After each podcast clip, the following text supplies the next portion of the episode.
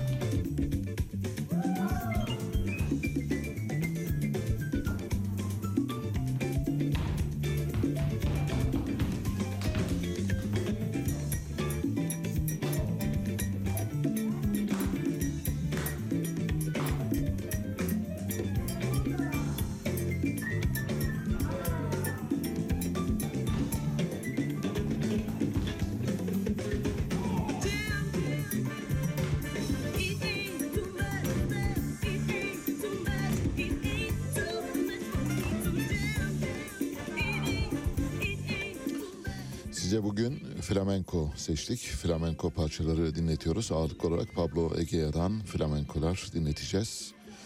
Pablo Egea bir İspanyol sanatçı. İspanyol Devlet Opera ve Balesi'nde dans eğitimine başladı. Doğal olarak çok küçük yaşlarda. Ve Antonio Navarro ile Jose Antonio'dan dersler aldı. Aynı zamanda Küba Devlet Opera ve Balesi'nde de koreograf olarak çalışıyor. Üç kıtada, altı ülkede flamenko, kastanyet ve İspanyol dansı öğretiyor halen. Dünyanın önemli flamenko sanatçılarından biri. Flamenko esas itibariyle İspanya ya da İberik Yarımadası demek lazım. İspanya ve Portekiz'in bulunduğu yarımadaya İberik, İberya deniyor. İberik Yarımadası'na Afrika'dan, Mağrip'ten gelmiştir. Tunus'tan, Fas'tan, Cezayir'den, Libya'dan, Mısır'dan gelen bir müzik. Endülüs'ten gelen daha doğrusunu söylemek icap ederse. Bildiğiniz gibi Tarık bin Ziyad'ın gemileri yakmak diye siyasi tarih literatürüne giren o meşhur çıkarma harekatıyla Endülüs Emevi Devleti'nin İberik Yarımadası'ndaki egemenliği başlamıştır.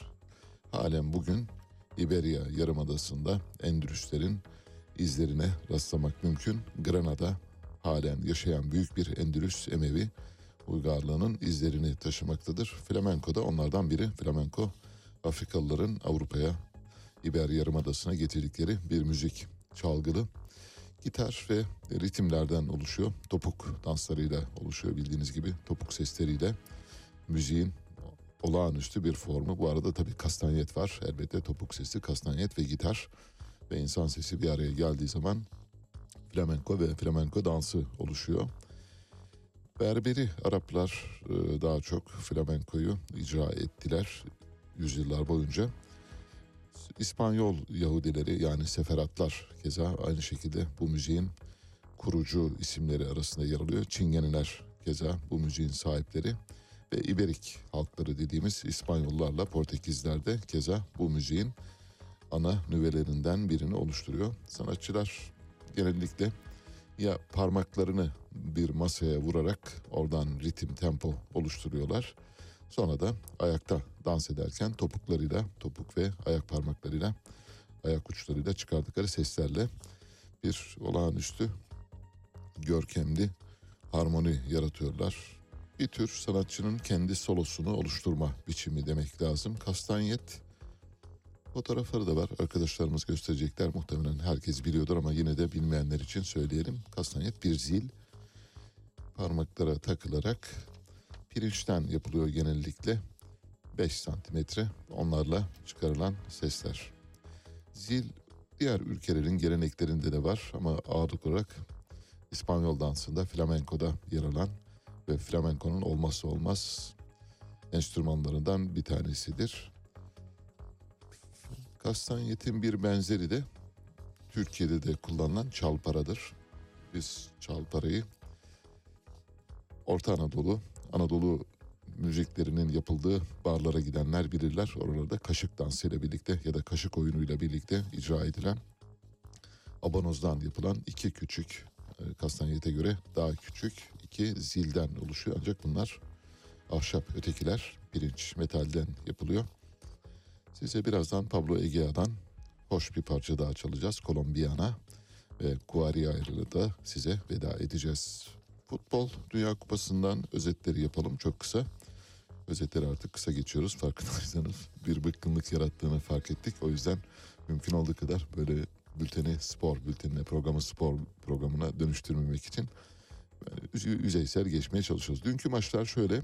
Avustralya Danimarka arasında oynanan maçın galibi Avustralya oldu 1-0. Tunus Fransa'yı 1-0'la geçti. Çok başarılı, çok güzel bir maç yaptılar. En çekişmeli maçlar Polonya ile Arjantin, Suudi Arabistan'la Meksika arasında oynandı. Arjantin 2-0'la Polonya'yı geçti. Meksika'da 2-1'lik galibiyetle Suudi Arabistan engelini aştı. Gruplardaki durumu birazdan, gruplardaki liderler belli oldu maçların sonunda. Grup ikincileri elbette bir de oylama ve avantaj ve dezavantajlarına göre, averajlarına göre bir de üçüncüler olacak. Toplamda son 16'ya ve 32 ve 16'ya kalacak olan takımlar belirlenmiş olacak. Bugünkü maçlara bakarsak Hırvatistan Belçika maçı saat 18'de TRT 1'de. Kanada Fas maçı saat 18'de. Japonya İspanya maçı saat 22'de. Costa Rica Almanya maçı da yine saat 22'de. Gruplarda ne var? Ne oldu? Son duruma bakalım. A grubunda Hollanda'nın liderliği şu anda kesinleşmiş durumda. İkinci sırada Senegal var 6 puana sahip. B grubunda İngiltere lider. Amerika Birleşik Devletleri ikinci sırada. Amerika Birleşik Devletleri ile İran maçının son anlarını izledim ben. İran yenildi Amerika Birleşik Devletleri'ne. Fakat İranlı ve Amerikalı futbolcular birbirlerine sarmaş dolaş gözyaşları içinde veda ettiler. İnanılmaz trajik şeylerdi yani hakikaten insanın böyle Evet işte futbolda bunlar olabiliyor, sporda bunlar olabiliyor. Normal şartlarda olmaması gereken her şeyin olabileceği tek yer var. Orası spor. Spor camiasında İranlı ve Amerikalı futbolcular birbirlerini teselli ettiler. Amerikalılar İranlıları, İranlılar da onlara e, sevgilerini gösterdiler. C grubunda Arjantin lider sonunda. Polonya ikinci sırada. Dünkü maç bir hayli ilginçti. Meksika ile Suudi Arabistan arasındaki maç sonrasında Suudi Arabistan şu anda grupta 3 puana sahip ve sonuncu durumda. Maalesef Hervé Renard'ın öğrencileri istenilen başarıyı gösteremediler. İlk maçtaki performanslarına ulaşamadılar. D grubunda Fransa lider, ikinci sırada Avustralya var. E grubunun lideri İspanya, ikinci sırada Japonya. F grubunda Hırvatistan lider, ikinci sırada Fas var. Gönlümüzün takımı. G grubunda Brezilya lider, ikinci sırada İsviçre var. H grubunda Portekiz lider, Ronaldo'nun takımı. Ve ikinci sırada da gönlümüzün bir başka takımı Gana var. Başlıyoruz. İki güzel haberle başlayacağız. Hazırsanız hakikaten güzel haber. İki tane çok iyi içimizi böyle kıpır kıpır ettiren, umutlarımızı yeşerten, umut kıvılcımları saçmamıza vesile olan iki haber. Bu iki haberde de bizim küçük bir katkımız var. Öyle söyleyelim. Karınca kararınca yani sosu ya da üstünü üzerinin tuzu biberi olacak bazı katkılarda bulunduk. Dolayısıyla bizim de katkımız olduğu için ayrıca sevinçliyiz. Bugünkü bu iki haberden dolayı bir tanesi bildiğiniz gibi 15 Kasım'da Endonezya'nın Bali Adası'nda G20 toplantıları yapıldı. G20 toplantıları kapsamında G20'nin alt örgütlenmesi olan ülkeler grubu var. Bunlardan bir tanesi MİKTA. MİKTA bildiğiniz gibi bir yarı resmi ve deorganize bir oluşum. G20 keza o da öyle bir oluşum. G7 de öyle bir oluşum. BRICS de böyle bir oluşum. Büyük organizasyonların altında yer alan ve zaman zaman toplanan organik bir bütünlük göstermeyen ama karar organları olan oluşumları, uluslararası oluşumlara verdiğimiz addır bu. MİKTA oluşumu içinde, MİKTA bir uluslararası oluşum içinde Meksika, Endonezya, Kore, Türkiye ve Avustralya var. Bunu konuşurken, G20'yi konuşurken MİKTA'nın dönem başkanı kim demiştik? Türkiye. Ne zaman? 2022'de. Peki 2022 içinde MİKTA ile ilgili Türkiye'de en ufak bir etkinliğe tanık oldunuz mu dedik? Hayır dediniz.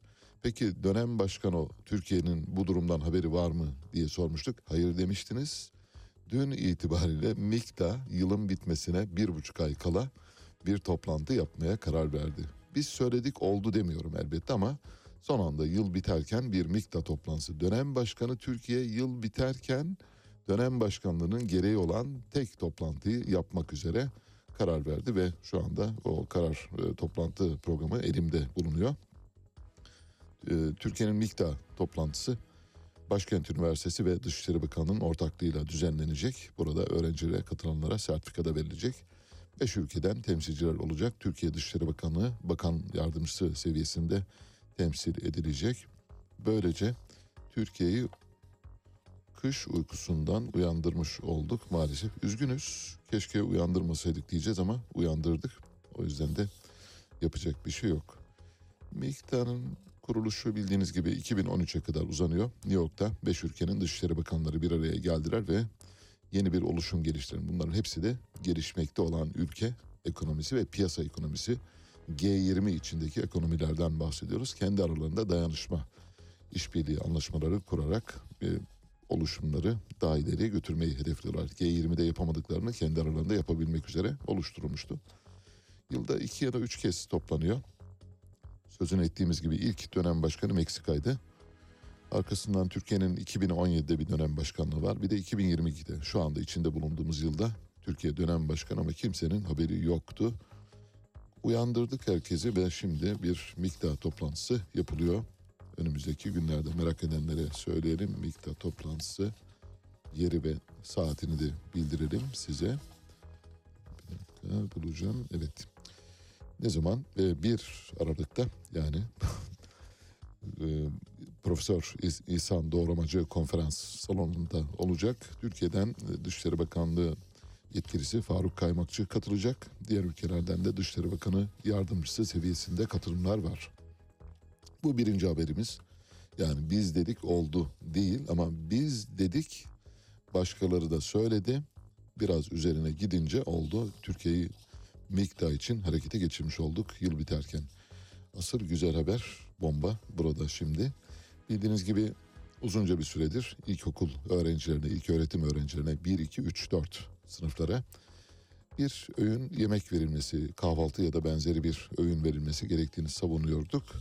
Cumhuriyet Halk Partisi bu konuda adımlar atıyor. Cumhuriyet Halk Partisi Genel Başkanı Kemal Kılıçdaroğlu eşiyle birlikte evinin mutfağından bir video çekmişti. Bu videoda yakında iktidara geldiğim zaman tüm Türkiye'de ilkokul öğrencilerine bir öğün yemek vereceğiz dedi. Arkasından biz bunun yeterli olmadığını yani üniversite öğrencilerine verilen yemeğin ilkokul öğrencilerine dönüştürülmesi halinde çok daha isabetli bir iş yapılacağını söylemiştik. Ve dün Milli Eğitim Bakanı Mahmut Özer. Hazır mısınız?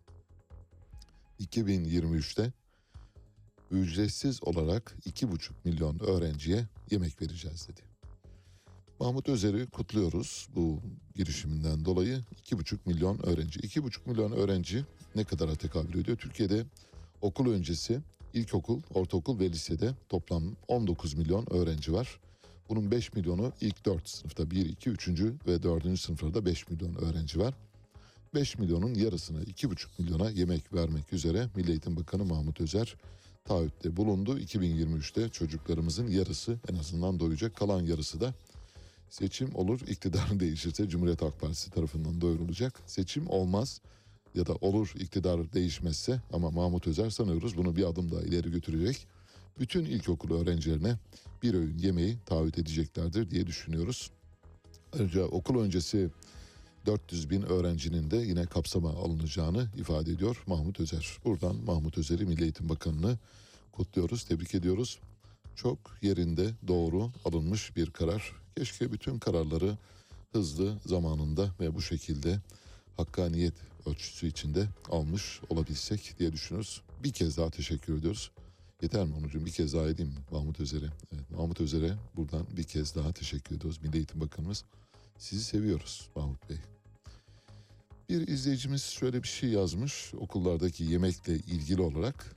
Yani yemek vermenin aslında çetrefilli bir iş olduğu ortada. Yemek vermek isteyen belediyeler var. Bu belediyelere engel olunuyor. Yemek vermek isteyen kamu kuruluşları var. Onlara engel olunmuyor. Yemek vermek isteyen sivil toplum örgütleri var, yardım kuruluşları var. Onların vermesi istenmiyor.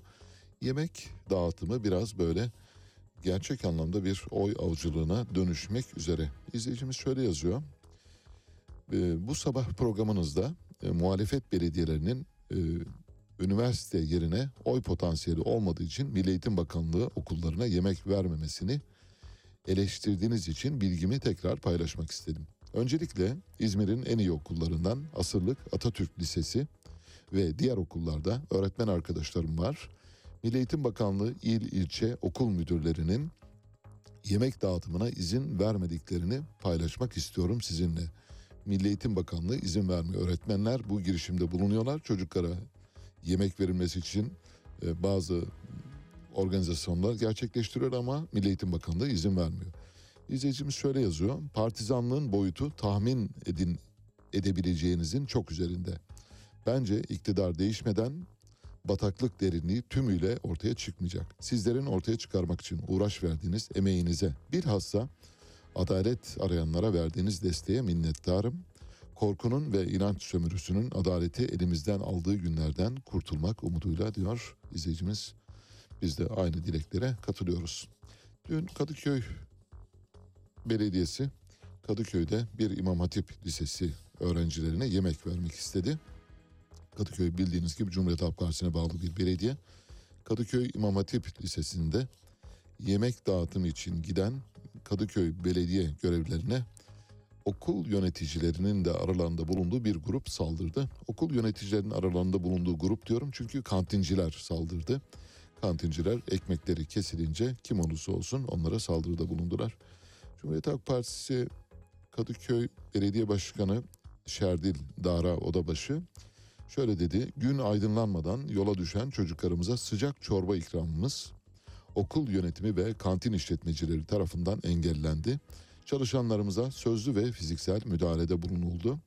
Tahammülsüzlüklere, engellere rağmen gençlerimizin, komşularımızın yanında olmaya devam edeceğiz diyor.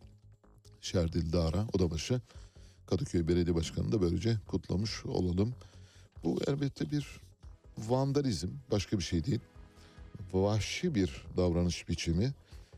Çocuklara yemek yardımı yapanlara neden engel olurlar? Kantincilerin çıkarları var. Hadi onları anladık ama okul yönetimi bu işe neden çanak tutar? İşte onu anlamakta zorlanıyoruz. O partizanlığın geldiği noktayı gösteriyor. Partizanlık şahikasında şu anda yemek bile öğrencilere yemek dahi verilse ona bile karşı çıkan bir güruh var. Böylece iki güzel haberi yani üzerinde uzunca bir süre konuştuğumuz laf söylediğimiz ve belagatımızı geliştirdiğimiz iki konu sonuçlanmış oldu. Bir tanesi Mikta. Mikta ile ilgili Türkiye artık Mikta'ya sahip çıktı. Yıl biterken öteki de öğrencilere yemek verilmesiyle ilgili süreç hızlandı. Milli Eğitim Bakanı 2023 yılında 2,5 milyon ilköğretim öğrencisine yemek vereceklerini, ücretsiz yemek vereceklerini açıkladı. Bu öğrencilerin yaklaşık yarısına tekabül ediyor. Kalan yarısını da zaman içinde yemeğe kavuşturulacağını tahmin ediyoruz. Çok önemli olduğunu bir kez daha hatırlatalım. Gerçekten aç bir ilaç, susuz okula giden çok sayıda öğrenci var, çocuk var. Aç, çok özür dilerim ama deyimi söyleyeceğim. Çünkü bu bir beis yok. Yani bu, burada kötü bir niteleme de yok. Hani derler ya aç ayı oynamaz. Bu yüzden çocukların kafalarının çalışması için, derslere konsantre olabilmeleri için mutlak surette tok karınla derslere girmelerini sağlamak lazım. Tok karınla dedik, açlık bizim şu anda başımızı vurdu. Türk İş'in Kasım ayı açlık sınırı araştırması açıklandı. Açlık ve yoksulluk sınırı birlikte açıklanıyor bildiğiniz gibi. 4 kişilik bir ailenin geçim standartından bahsediyoruz. Açlık sınırı 7785 liraya çıktı. Asgari ücret ne kadar? 5250 lira. Bu durumda asgari ücret açlık sınırının çok çok altında. Zaten çok altında olduğunu biliyoruz. Üstelik de resmi enflasyon rakamlarına göre bile altında. Resmi olmayan gayri resmi enflasyona göre düşündüğümüzde bu rakamın çok daha yukarıda olduğu açık. Yoksulluk sınırı da 25.365 liraya yükseldi. Eğer ailenize bir ayda 25 bin liranın altında bir para giriyorsa siz yoksulsunuz. 7250 liranın altında bir para giriyorsa açsınız 7785 lira affedersiniz. Cumhuriyet Halk Partisi'nin emeklilerin bayram ikramiyesinin asgari ücrete eşitlenmesine ilişkin teklifi AK Parti ve MHP oylarıyla reddedildi. Muhalefetten gelen her ne olursa olsun reddediniz diye bir talimat var. Bu talimatın gereği yerine getiriliyor. Bildiğiniz gibi dün gündeme getirdiğimiz bir haber vardı. Koç Üniversitesi'ne ait rektörlük plakalı bir araçta Şanlıurfa'da uyuşturucu ele geçirildiği açıklanmıştı ve aracın hangi üniversiteye ait olduğu medyamızda çok fazla yer almamıştı. Çünkü medyamız gölgesinden korkuyor maalesef. Koç dersek acaba Rahmi Bey Arçelik reklamlarını keser mi? Beko reklamlarına son verir mi? Ford Otosan'la bize acaba bir şeyler yapar mı diye düşünüyorlar. O bakımdan reklam çünkü büyük bir mekanizma. Reklam boyunduru altındaki medyamız Koç Üniversitesi'nin adını dahi veremedi. Biz verdik. Evet olayın Koç Üniversitesi'ne ait olduğu ortaya çıktı ama Koç Üniversitesi bir açıklama yaptı. Açıklamasını paylaşalım. Son derece e, doğru bir açıklama. Muhtemelen haberdar olmadıkları bir durum. Yani rektörün haberi yok. Üniversite mütevelli heyetinin zaten haberi yok. Şoför aracı çalmış, kaçırmış ve götürmüş bu işte kullanıyormuş.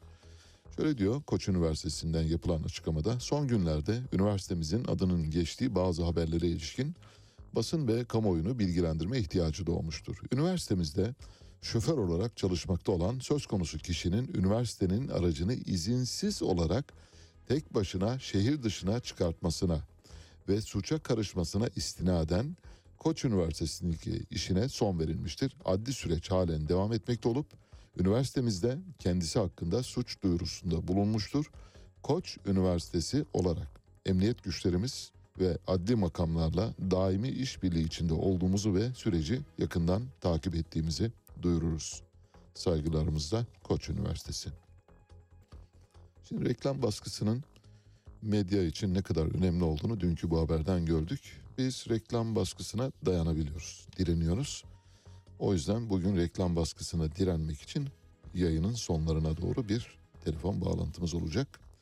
Avukat Yağız Timoçin bizimle birlikte olacak. Bağımsız Maden İş Sendikası'nın avukatı. Konu ne? Konu Türkiye'nin en zengin 9. kişisinin başında bulunduğu holding ve onun şirketleriyle ilgili.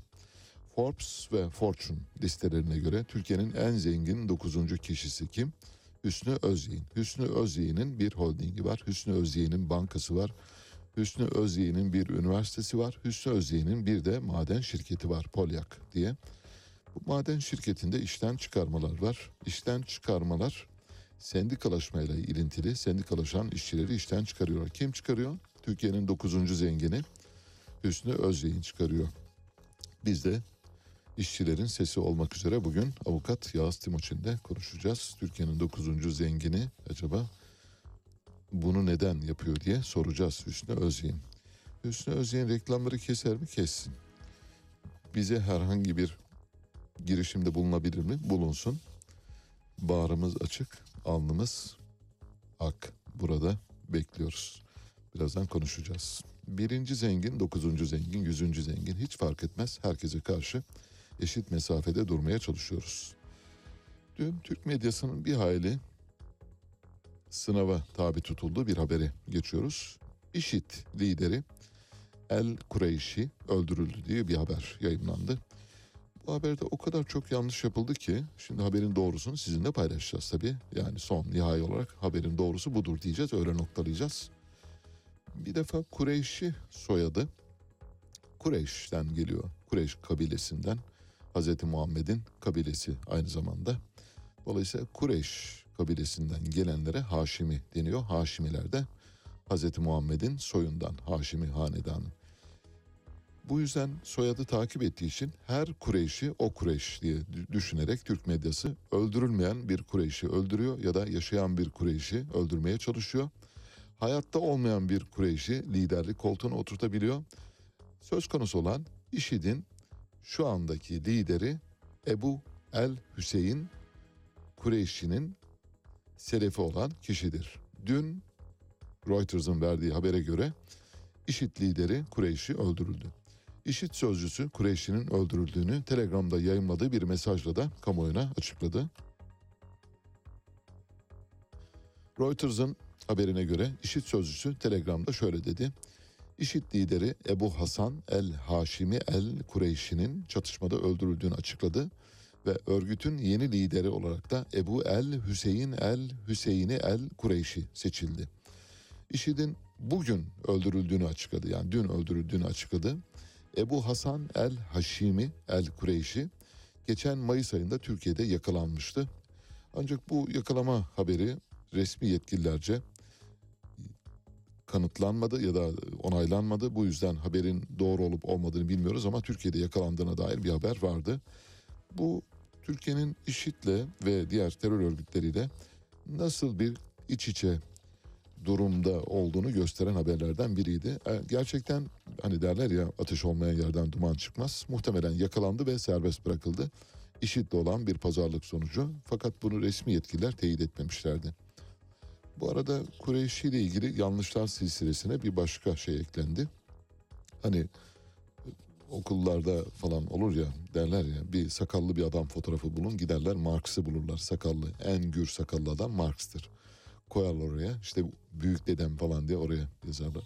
Şimdi Kureyşi deyince hangi Kureyşi olduğuna karar veremeyince eski Kureyşi'nin fotoğrafı yani da şu anda zaten hayatta olmayan çok önce ölmüş olan bir başka Kureyşi'nin fotoğrafını basıp Ebu İbrahim el Haşimi el Kureyşi düzenlenen bir operasyonda öldü diye yazmışlar. Bu Kureyşi o Kureyşi değil. Bu da yanlışlardan bir tanesi. Bu fotoğraftaki bir defa El Bağdadi kendisi bildiğiniz gibi El Kaine'nin liderlerinden birisi. Peki Ebu El Hasan El Haşimi El Kureyşi kimdir derseniz kendisi 10 Mart 2022'de Ebu İbrahim El Haşimi El Kureyşi'nin ölümünden sonra IŞİD'in yeni sözcüsü Ebu Ömer El Muhacir tarafından sesli bir mesajla halife seçildi. Dün çatışma esnasında öldürüldüğü bildirilen Ebu El Hüseyin El Hüseyini El Kureyşi'nin atandığı da böylece duyurulmuş oldu. Çok uzattık ama birden çok Kureyşi olduğu için hayatta olan Kureyşilerle ölen Kureyşilerin kim olduğunu ayrım ayrımsamak için bu kadar uzattık. Böylece bu bahsi tamamlamış olduk. Haberin sonucunu söylüyorum. Yayınlanan fotoğraftaki kişi El Kureyşi değil El Bağdadi. Bu bir yanlış. İki, öldürülen Kureyşi o Kureyşi değil bu Kureyşidir diye noktayı koymuş olalım. İçişleri Bakanı Süleyman Soylu'nun Sedat Peker'in bulunduğu, ikamet ettiği Birleşik Arap Emirlikleri'ni ziyaretinde Interpol dairesinden sorumlu Genel Müdür Yardımcısı Mustafa Çalışkan yerine Terörle Mücadele Dairesi'nden sorumlu Emniyet Genel Müdür Yardımcısı Resul Holoğlu'nu tercih ederek yanında götürdü. Şimdi diyeceksiniz ki bunda ne sakınca var? Çok sakınca var. Çünkü hiyerarşik olarak bu gezide aslında Mustafa Çalışkan'ın olması gerekiyordu. Çünkü Mustafa Çalışkan hiyerarşik olarak ve alan olarak da bağlı olduğu olay olduğu için de onun gitmesi gerekiyordu. Onun yerine Resul Holoğlu'nu götürdü. Emniyette bir çatlama var. Bunu daha önce de dile getirmiştik. Emniyette iki klik var. Bir tanesi Süleyman Soylu'nun temsil ettiği klik, bakanın arkasındaki klik. Öteki de Mustafa Çalışkan'ın temsil ettiği klik. Diyeceksiniz ki Süleyman Soylu'nun kliği kimi temsil ediyor? Mustafa Çalışkan'ın kliği kimi temsil ediyor? Çok basit. Süleyman Soylu Devlet Bahçeli'nin kliğini temsil ediyor. Devlet Bahçeli arkasında bulunuyor. Mustafa Çalışkan da Recep Tayyip Erdoğan'ın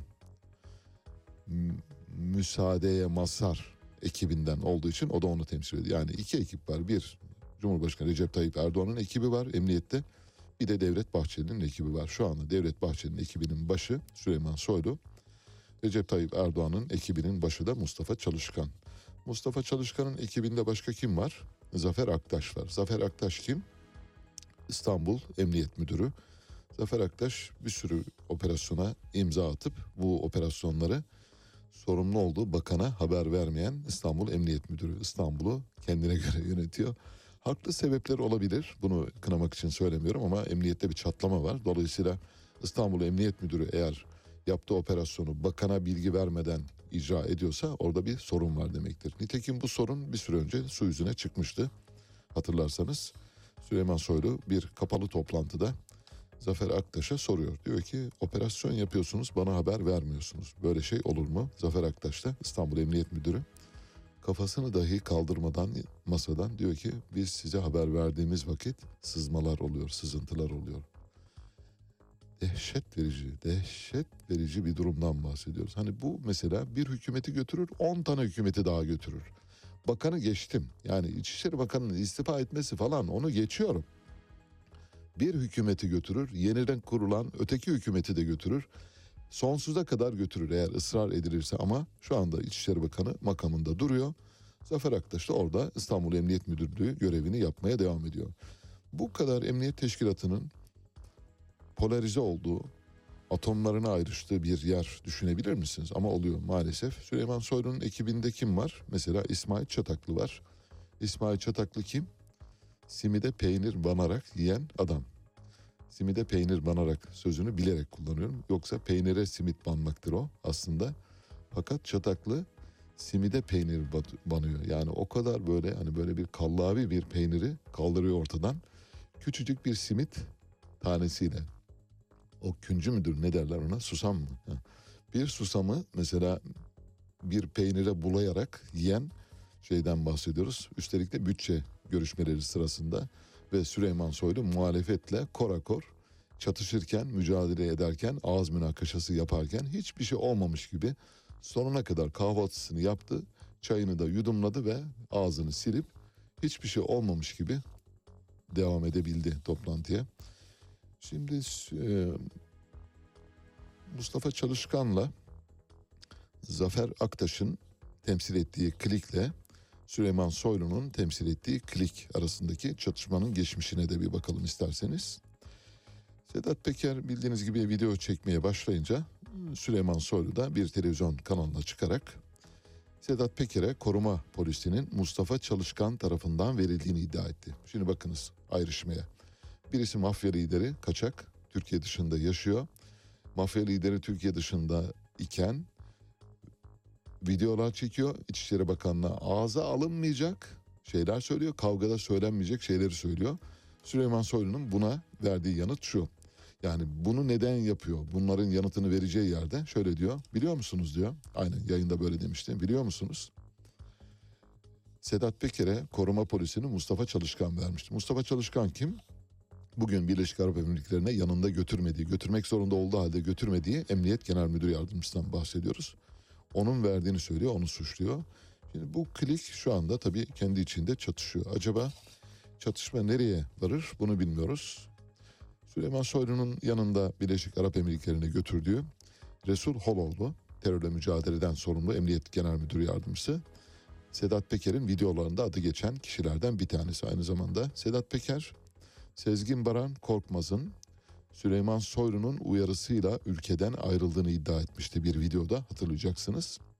Şöyle demişti 5 Aralık'ta Resul Holoğlu organize suçlardan sorumlu emniyet müdür yardımcısı telefon açıyor Sezgin Baran Korkmaz'a bu adamı arıyor. İçişleri Bakanlığı'na çağırıyor saat 10.30 12.30 çıkış Sezgin Baran Korkmaz 45 milyon dolar bir iş adamından alacağı var. Süleyman buna senin hakkında tahkikat yapıldı. Yurt dışına çık. Yukarının haberi var. Bu parayı da sil. Sorun çıkacak diyor. Sezgin Baran Korkmaz da 6 Aralık'ta yurt dışına çıkıyor. Nasıl? Vallahi dehşet verici. Hiçbir şey söyleyemiyorum. Ya bir üçüncü dünya ülkesinde bir muz cumhuriyetinde bunlar olsa mesela muz cumhuriyeti hangisi? Muz cumhuriyeti deyince hangi ülkeler geliyor? Costa Rica, Guatemala, Honduras, El Salvador gibi ülkeler. Bunlara muz cumhuriyeti, Panama keza. Tabii muz cumhuriyeti olmalarının sebebi Amerika Birleşik Devletleri. Amerika Birleşik Devletleri orayı muz cumhuriyeti olarak yönetiyor. Dolayısıyla muz cumhuriyetinde olmayacak bir şeyden bahsediyoruz. Süleyman Soylu Sezgin Baran Korkmaz'ı çağırıyor. Diyor ki 45 milyon dolar. Orada da e, inanç İnan Kıraç var bildiğiniz gibi söz konusu olan. O da Koç grubunun işte üst düzey yöneticilerinden bir tanesi. Nasıl böyle mafyatik adamlarla iş yapıyor onu da bilmek elbette anlamak çok zor ama sen hemen e, o parayı sil ve yurt dışına kaç diyor. Sezgin Baran Korkmaz da kaçıyor. Sedat Peker'in iddiası. Emniyet içindeki hikayeleri özetlemeye kalksak günümüz yetmez, ömrümüz yetmez. O yüzden burada noktalayalım. Evet her şeyin tadında bırakmak lazım. Kemal Kılıçdaroğlu'nun ekonomi danışmanlığına değişik, önemli bir isim atandı. Önemli bir isim demek lazım. Kendisi Almanya şansölyesi, Cumhurbaşkanı böyle söylemeyi çok seviyor. Şansölye Merkel diyor.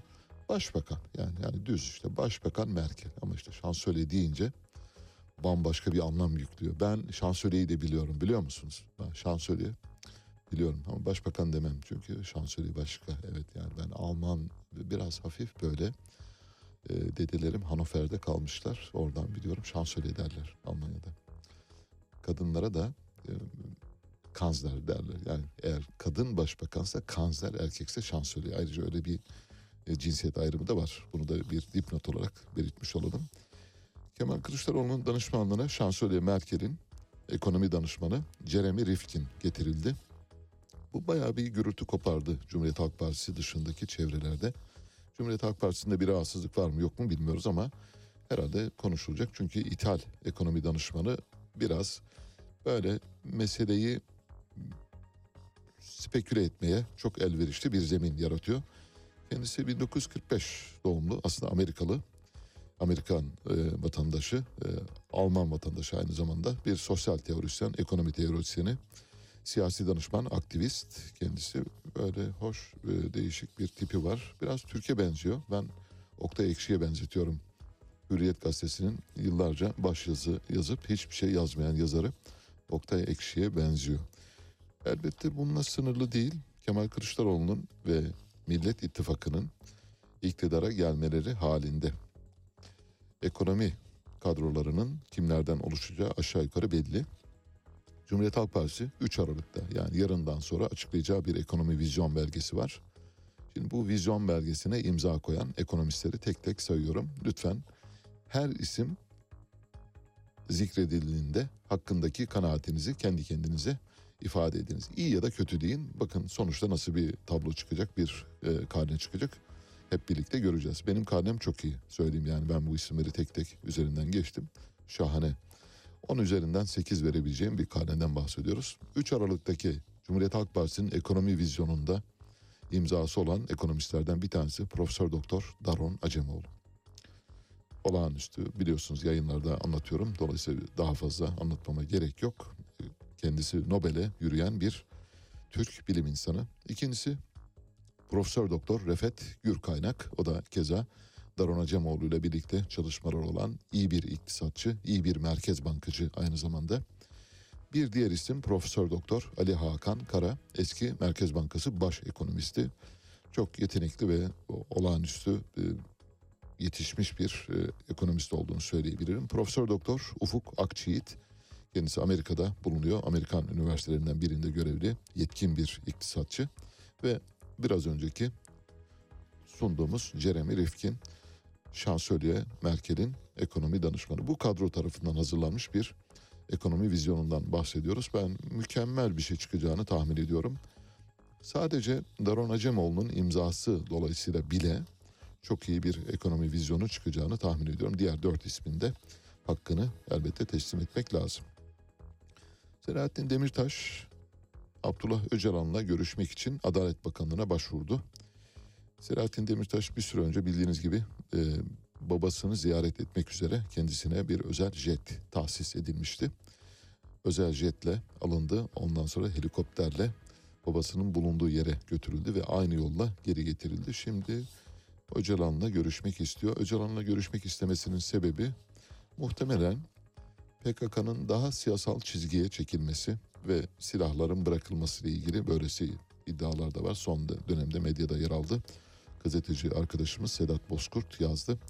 Selahattin Demirtaş'a atfen şöyle demiş. Tabi mealen söyleniyor. Giderim Kandil'e ya da giderim İmralı'ya. Öncelikle Kandil'den bahsediyor. Giderim Kandil'e ve derim ki ya silahları bırakacaksınız ya da beni burada öldürürsünüz. İkisinden birini seçin derim diyor. Hayatını ortaya koyarak aslında bir barışı inşa etmeye çalışıyor.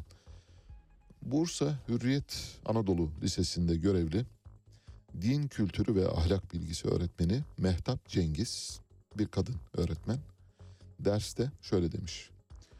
Çoğu Alevi ailede çocuğun kimden olduğu belli değil. Alevi bir öğrencinin ailesinin suç duyurusunda bulunması üzerine olayla ilgili soruşturma başlatıldı. Alevilerin nesebi gayri sahih demek istiyor. Hani çok özür dileyerek söyleyeceğim ama yok kullanmayayım yani bu bu durumda bile kullanmamam gereken bir kelimeydi. Dilimin ucuna gelen kullanmıyorum ama bir öğretmenin bir okulda üstelik de böylesine bir koşullanmışlık içinde hareket etmiş olmasını anlamakta çok zorlanıyorum. Milli Eğitim Bakanı Mahmut Özer'e buradan duyuruyoruz. Evet böyle şeylere izin vermeyiniz. Halk arasında, millet arasında, ümmet arasında ayrımcılığa lütfen izin vermeyiniz. Çocuklar için yaptığınız adımları onu, onu onaylıyoruz, olumluyoruz.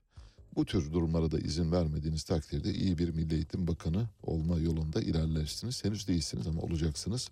2,5 milyon çocuğun karnını doyurursanız gelecek yıl sizi alkışlamaya devam edeceğiz. Futbol Dünya Kupası'nda çekilmiş bir fotoğraf var. Fotoğrafta 4 adet top var plastik ambalajlarının içinde ve toplar bir elektrik şarjına takılmış durumda. Bunu epey bir speküle eden oldu. Acaba bu şarj neden? Yani futbol topları nasıl şarj ediliyor? Peki futbol topunun şarjı maçın ortasında biterse ne olur abi falan gibi değişik geyikler dönüyor. Öyle değil. Bu futbolda kullanılan VAR'la birlikte ortaya çıkan bir teknolojik atılımın sonucu. Goal line teknolojisi denilen bir teknoloji.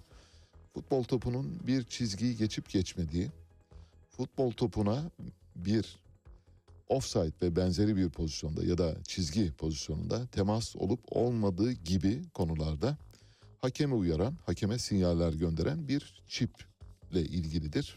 Futbol topunun içinde çip var. Şimdi futbol topunun içinde çip var. O zaman aşıda da çip var değil mi? Bizi dinliyorlar. Bize çip takıyorlar dinlemek için. Aşı karşıtlarının yegane savunusu bu. Abi bize çip takıyorlar çünkü bizi dinlemek istiyorlar.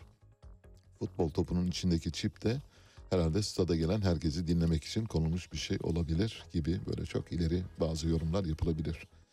Elimde bir eski belge var. Bu belgeyi paylaşacağım. Binali Yıldırım'la ilgili. Şöyle diyor belge. Eski İDO Genel Müdürü İçişleri Bakanlığı Mülkiye Müfettişleri tarafından hazırlanan raporlarda yolsuzluk yaptığı belirlendi. Bunun üzerine görevden alındı. İstanbul'dan milletvekili seçildi. Kim? Binali Yıldırım. Bir parça çalmak isterdim ama sabah sabah keyfinizi kaçırmak istemem. Yani hani ben bile katlanamıyorum. Dolayısıyla sizin katlanmanıza gönlüm razı gelmez. Hazırsanız bir Fazıl Say haberi vereceğiz şimdi size. Fazıl Say boşanıyor. Boşandı daha doğrusu. Ve eşiyle el ele girdikleri mahkeme salonundan el ele çıktılar. Ece Dağıstan'la evliydi bildiğiniz gibi 3 yıl önce nikah masasına oturmuşlardı. Arka planda Fazıl Say'ın sihirli parmaklarını dinliyorsunuz. Şöyle dedi. Çok üzgünüm. Eşim Ece ile evliliğimizi bugün sonlandırdık. Beykoz Adliye binasına el ele girdik, el ele çıktık Ece ile. Hatıralarımızı, anılarımızı, tüm güzel hikayelerimizi, seslerimizi en iyi şekilde anacağız her zaman. Sevgi, aşk, emek, bağlılık ve şefkat dolu 7 yıllık bir sevgililik. Ben biliyorum, dostlarım da biliyor. Zor ve kötü bir dünyada iki insan ezilebiliyor. Yüklerin altında çare bulamıyor tedavi etmeye. Bir veya iki birey arasında bocalıyor. Bazen dertlere yeniliyor. İmkan olamıyor bir çıkışa. Hem her şeye hem de hiçbir şeye yol alan ömürlerimizde.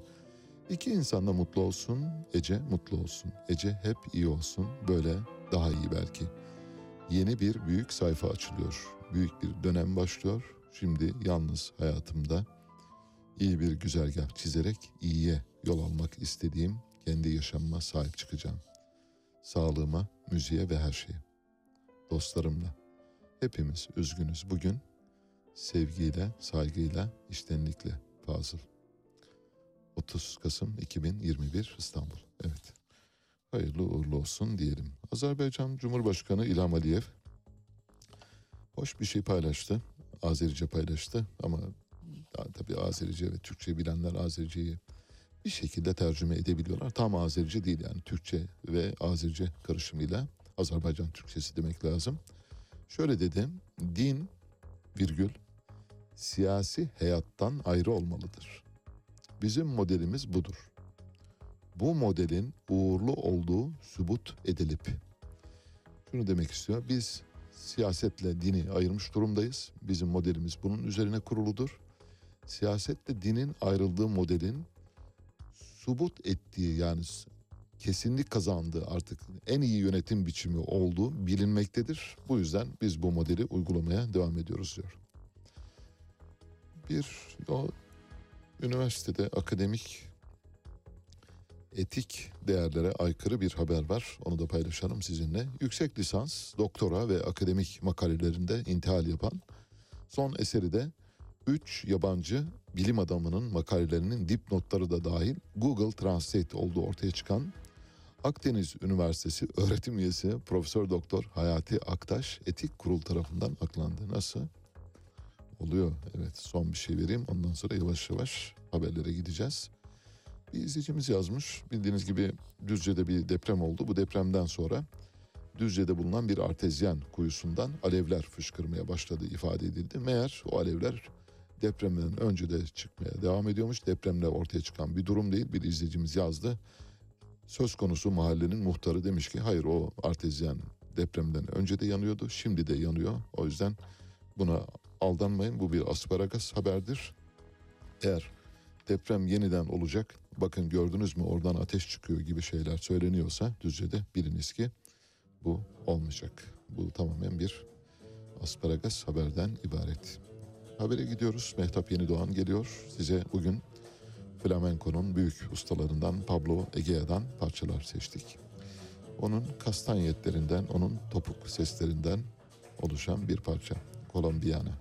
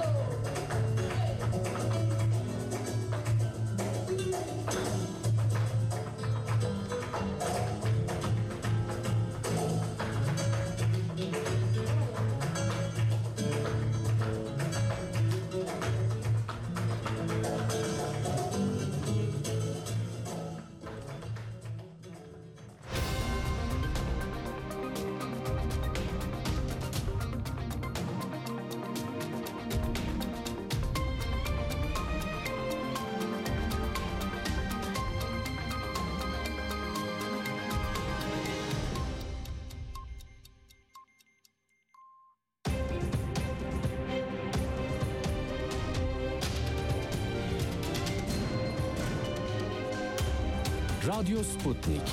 Anlatılmayanları anlatıyoruz. Saat 8 İstanbul stüdyolarından gündemden gelişmeleri aktarıyoruz. Ben Mehtap Yeni Doğan, önce özetler. Cumhurbaşkanı Erdoğan, Altılı Masa'nın anayasa değişikliği önerisini eleştirdi. Milli Savunma Bakanı Akar, Amerika Birleşik Devletleri Savunma Bakanı Austin'le telefonda görüştü. IŞİD lideri Ebu Hasan El Haşimi El Kureyşi öldürüldü. Ayrıntılar birazdan.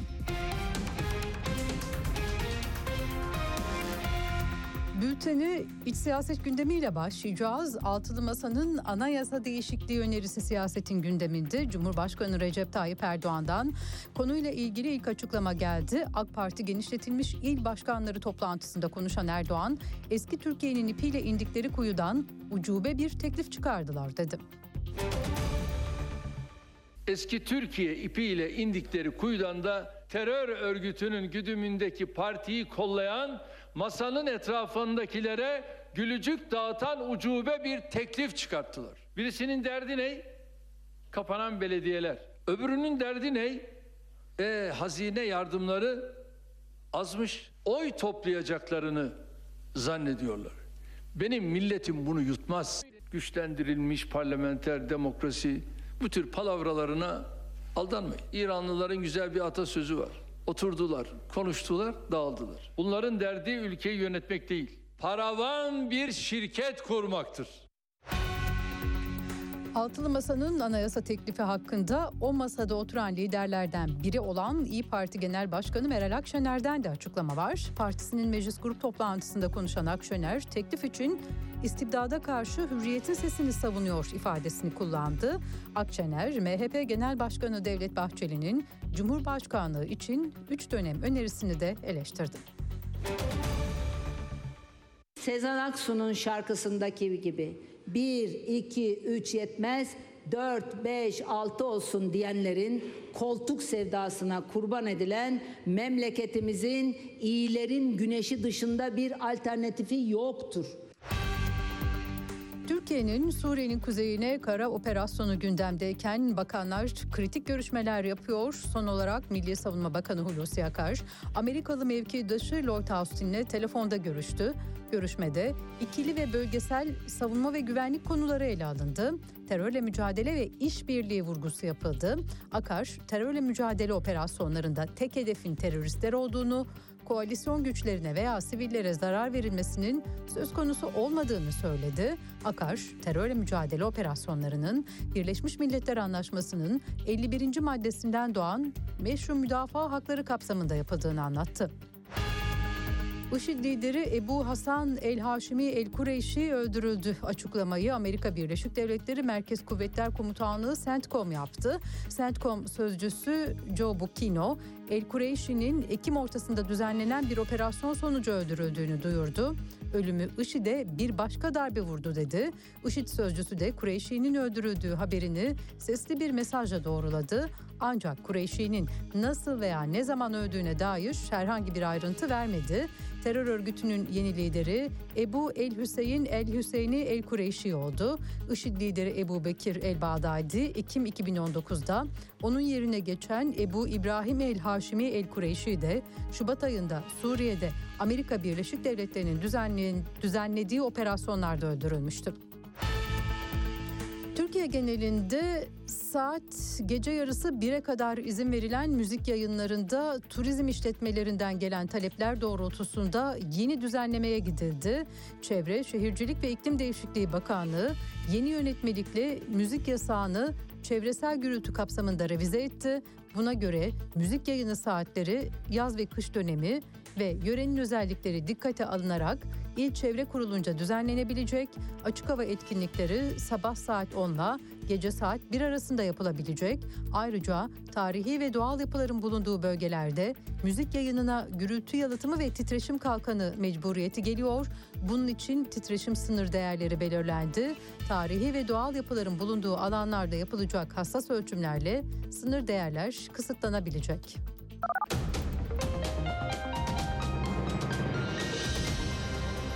Haberleri sunduk gelişmelerle tekrar birlikte olacağız. Hoşçakalın. Radyo Sputnik 5 merkezden karasal yayında. İstanbul 97.8, Ankara 96.2, İzmir 91, Bursa 101.4, Kocaeli 90.2.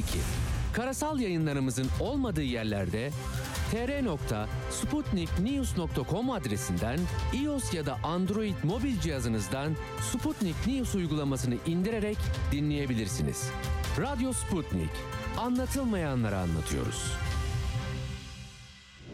Son dakika haberleri, canlı yayınlar, multimedya ve daha fazlası Sputnik Haber Ajansı'nın web sitesinde.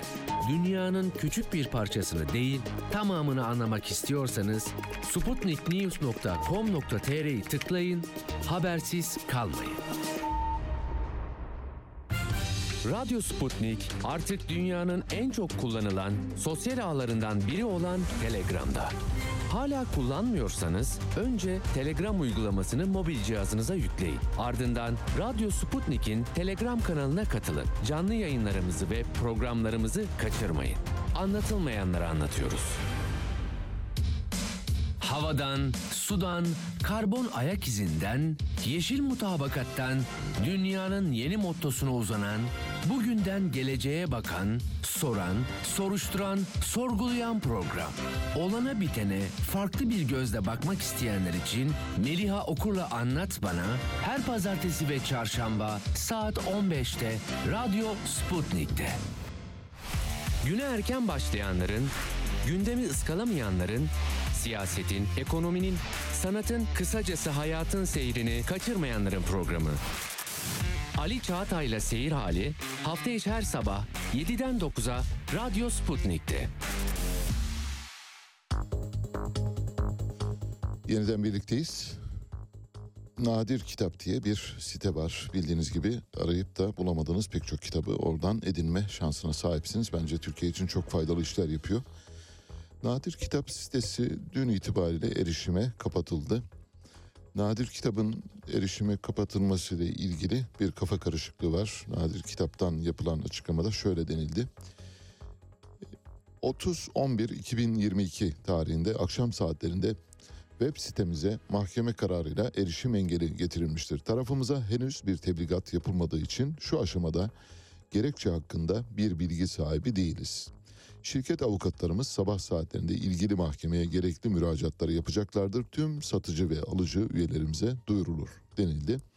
Sebebini bilmiyoruz. Ben de biraz araştırdım. Bir e, suistimal söz konusu ona bağlı olarak mı yapılıyor? Başka bir hikaye mi var arka planda ama bildiğimiz bir şey var. O şu örneğin şu ana kadar bu radyo yayınında paylaştığımız pek çok kitap var. Bu kitapların önemli bir bölümünü nadir kitaptan aldık. Tabii yüksek paralarla alınıyor. Elbette kitaba paha biçilemez. Yani kitaba, tabloya, heykele paha biçilemez bildiğiniz gibi. De- değeri e, sadece satıcının o uygun göreceği bir miktara bağlıdır. Bu bakımdan e, fiyat konusunda eleştirmiyoruz nadir kitabı. Fakat e, birkaç yerden araştırma yaptım. Nadir kitaptan son zamanlarda sipariş edilen kitapların zamanında ulaşmadı.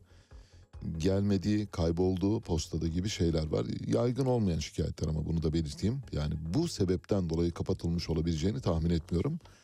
Ama şu sebepten dolayı kapatılmış olabileceğini tahmin edebilirim. Ne olabilir Onurcuğum sence? Nadir kitaba birisi göz koydu. Birisi nadir kitabı Kadir kitap yapmak istiyor mesela değil mi? Böyle bir şey olabilir. Birinin böyle çok hoşuna gitmiş olabilir. Bildiğiniz gibi bu skuterlar var. Skuterların babası Martı'ydı. Yani ilk çıkan oydu. Arkasından bir sürü skuter firması çıktı. Bunlardan bir tanesi de Binbin idi. Binbin kimin? Cumhurbaşkanı Erdoğan'ın yeğenlerinden Usame Erdoğan'ın sahibi olduğu şirket. Şu anda Martı'nın üzerine bindi. Binbin. Martı ile büyük bir rekabet var. Martı'ya rekabet kurumu cezalar kesti. Ceza kesme girişimleri oldu. Ayrıca Binbin'e yol verildi. Şimdi Binbin'i en son nerede gördüm? Söyleyeyim size. İstanbul Havalimanı'nın dış hatlar, iç hatlar ve dahi her yerinde içeride yani koridorlarda park etmiş binbinler var. Şimdi İstanbul Havalimanı'na binbin nasıl giriyor? Kolay değil. Eğer bir rekabet sonucu girdiyse bunu bilemeyiz. Binbin'in girdiği yere Martı da girebilir mi? Hayır giremez. Çünkü Martı başka, Binbin başka. Burada da nadir kitaba el koyma, nadir kitaba çökme girişimi olabilir. Bu sadece bir e, zehap, kanı. O yüzden e, kesin bir bilgiye dayalı olarak söylemiyoruz. Fakat takip edeceğiz. Olay çok sıcak olduğu için, dün gerçekleştiği için belki bugün açılır bilemiyoruz. Bir teknik arıza da olabilir. O yüzden de çok ileri yorumlar yapmak istemem. Üniversitede bildiğiniz gibi Bülent Arır bir eğitim e, bir eğitimci ve üniversitede e, kendisinin daha önce öğrencisi olan bir akademisyenin odasına giriyor. Bir kadın akademisyenin odasına. Ya benimsin ya toprağınsın diyerek tehdit ediyor. Benimle evleneceksin senden çok hoşlanıyorum diyor. Şikayetler sonucunda ortaya çıktı taciz şu anda soruşturma sürüyor fakat tacizciye sahip çıkan bir üniversite yönetimi var. İstanbul Üniversitesi Siyasal Bilgiler Fakültesi'nde bu durumu kınayan, bu duruma ilişkin protesto yapan amfide, dershanede, derslikte protesto gösterisinde bulunan öğrencilerin üzerine diğer öğrenciler saldırdılar ve siz bu işi yapamazsınız gibi. Şimdi tacizciyi korumak için üniversite içinde eylem yapan bir grup var. Tacizciye karşı seslerini yükseltmek isteyen insanlar var. Bu duruma İstanbul Üniversitesi'nin seyirci kalmaması gerektiğini düşünüyoruz. Diyanet İşleri Başkanlığı 2023 için bastırdığı takvimlerde Cumhuriyet Bayramı'nın tarihini 30 Ekim olarak yazdı. Diyanet yaptığı açıklamada söz konusu takvimlerin toplatılmaya başlandığını duyurdu. Ben takvimi aradım. Dün epey bir vaktimi harcadım ama bulamadım. Yani bulup size göstermek istiyordum. Bakınız ey ey izleyiciler, ey bizi seven kadim izleyicilerimiz diye gösterecektim ama bulamadım. 30 Ekim'i e, 24 Cumhuriyet'in kuruluş yıl dönümü olarak göstermiş. Eski Çin devlet başkanlarından Hu e, Jian Yanzem'in 96 yaşında dün hayata veda etti. Yanzem'in Çin'in belki de Mao'dan sonra ki en önemli lideri Deng Xiaoping'ti. Cüce Deng diyorlardı. Deng Xiaoping'den sonra Çin devletine en büyük katkıyı yapmış devlet adamlarından biri Yan Zemin. Yan Zemin 1997 yılında Hong Kong'un barışçıl bir şekilde Çin'e devri sürecini gerçekleştirdi.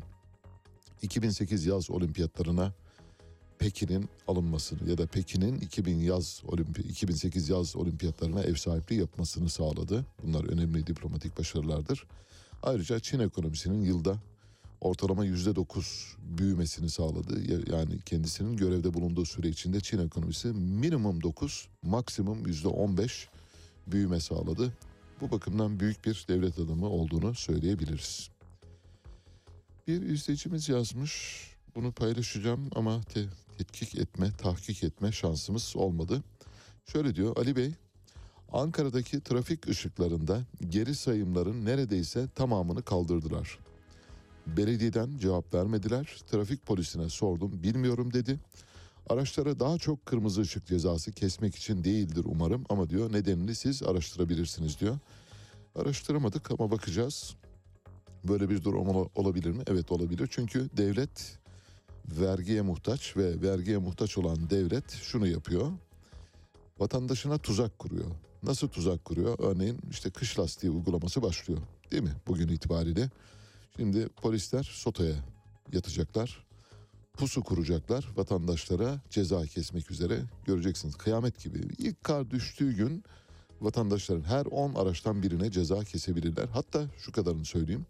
Örneğin aracı olup trafikte kar lastiği takmadınız diye ceza yemeyen ben kişi hatırlamıyorum. Mesela ben de bunlardan biriyim ve yani işte milyonda bir e, isabetle gelip beni bulmuş olmaları ihtimal dışı. Yani olasılık hesaplarına baktığımızda neredeyse her iki kişiden birine kar lastiği cezası kesilmiştir. Kırmızı ışıkta bunun benzeri bir şey olabilir mi? Olabilir. Kırmızı ışığın e, eğer şeyini sayacını kaldırdıysanız hani sarıdan geçtin, kırmızıdan mı geçtin münakaşası doğmayacak şekilde ceza kesilebilir. Kırmızı ışıktan geçtiniz hop otomatik yazıyorsunuz cezayı. Emniyet kemeri takmadınız e, hop yazıyorsunuz cezayı. Kış lastiği takmadınız hop yazıyorsunuz cezayı. Devletin paraya ihtiyacı var. Lüleburgaz'da Çerkezköy'de sahte doktor olarak çalışırken yakalanan Ayşem Özkiraz. Ayşe'ye de Ayşem Özkiraz diye geçiyor. Bazı yerlerde Ayşem, bazı yerlerde Ayşe Özkiraz diye geçiyor. Ayşe Özkiraz'la ilgili serüven sürüyor. Ayşe Özkiraz'ın kim tarafından ihbar edildiği konusunda Türk medyasında her gün yeni bir senaryo yazılıyor. İlk senaryoyu hatırlarsanız ilk senaryo neydi? Güya Ayşem Özkiraz'a muayene olmak üzere gelen bir veli ya da hasta çocuğunun bir e, ÖSS sorusunu Ayşem Özkiraz'a veriyor ve bunu çözmesini istiyor. Güya doktor bu soruyu çözemeyince bu nasıl doktor tıp fakültesini nasıl bitirir ve bu soruyu nasıl çözemez deyip şüpheleniyor güya. Ve Ayşem Özkiraz'la yaptığı araştırma sonucunda Ayşem Özkiraz'ın doktor olmadığını, çapadan mezun olmadığını ortaya koyuyor güya. Bugün gelen iddia da şu, meğer yine buna da güya demek lazım. Ayşem Özkiraz'ın bir assubay sevgilisi varmış. Ve assubay sevgilisiyle birlikteyken Instagram üzerinden tanıştığı bir genç var. Onunla da görüşmeye başlıyor. Assubay sevgilisi bu ilişkiyi öğreniyor güya. Bunun üzerine araştırma yapıyor. Araştırmacı assubay. Araştırmacı assubayın çab- çabaları sonuç veriyor ve Ayşem Özkiraz'ın Çapa Tıp Fakültesinden mezun olmadığı sonucuna varıyor. Nasıl yapıyor? Çapa Tıp Fakültesindeki arkadaşlarını buluyor. Ya dehşet verici bir araştırmacılık var. Araştırmacı gazetecilikte son nokta. Kutluyorum. Evet böylece bir e, sevgilinin ihanet e, intikamı falan diye başlıklarla görebileceksiniz. Bir de Ayşem Özkiraz'ın babasının bir ikrarı var. Bu doğru. Diğerlerini doğru olarak niteleyemiyoruz maalesef ama bu doğru. Babası demiş ki traktörümü satıp kızıma para gönderdim. Tıp kitapları için benden 35 bin lira para aldı. Babasını da soymuş yani herkesi e, soyabilen, herkesi oyuna getirebilen bir sahte doktordan bahsediyoruz. Sahte doktorun bir de sahte doktor arkadaşı var. O da ortaya çıktı. Şimdi sahtecilikten gidiyoruz. Muhteşem bir sahtecilik olayıyla karşı karşıyayız. Arka plandan müzik gelsin. Gaye Su Akyol. Gaye Su Akyol bir müzik sanatçısı. Sesi de güzel. Ben çok beğeniyorum. Yani dinliyorum da zaman zaman. Ama hani Gaye Su Akyol olduğunu bilmeden dinliyordum. Be- Beni de bağışlayın. Kendisi de bağışlasın. Financial Times dünyanın en saygın ekonomi gazetelerinden bir tanesi. Dün şöyle bir haber yayımladı. Gazetenin başlığında Erdoğan'ın kabusu Gaye Su Akyol diye çıktı. Sonra tartışma büyüyünce Financial Times, o dev Financial Times haberin başlığını değiştirmek zorunda kaldı. Öyle değil böyle diye. Biraz detaylarına girelim isterseniz. Epey bir su götürür bir tartışma var çünkü. Bir albüm çıkardı bildiğiniz gibi Gaye Su Akyol. Şu anda dinlemekte olduğunuz şarkının da içinde bulunduğu bir albüm. Bu parça da olağanüstüdür. Mendilimin Yeşili. Ee, Anadolu Ejderi adlı bir albüm çıkardı ve Financial Times da bir e, Nick Hastert imzalı bir yazıda şöyle denildi. Gaye Su Akyol'u en son 2019'da İstanbul'da gördüğümde Cumhurbaşkanı Erdoğan'ın en büyük kabusu gibiydi. Kadıköy'de ateşli bir kalabalığa şarkı söylüyordu. Yarasa kanatlı gümüş bir pelerin ve ona uygun bir büstiyer giymişti. Göbeği çıplaktı ve diz hizasında çizmeleri vardı. Cinsel özgürlüğünü elde etmiş ilham dolu rak kadınının bilim kurgu vizyonu gibiydi.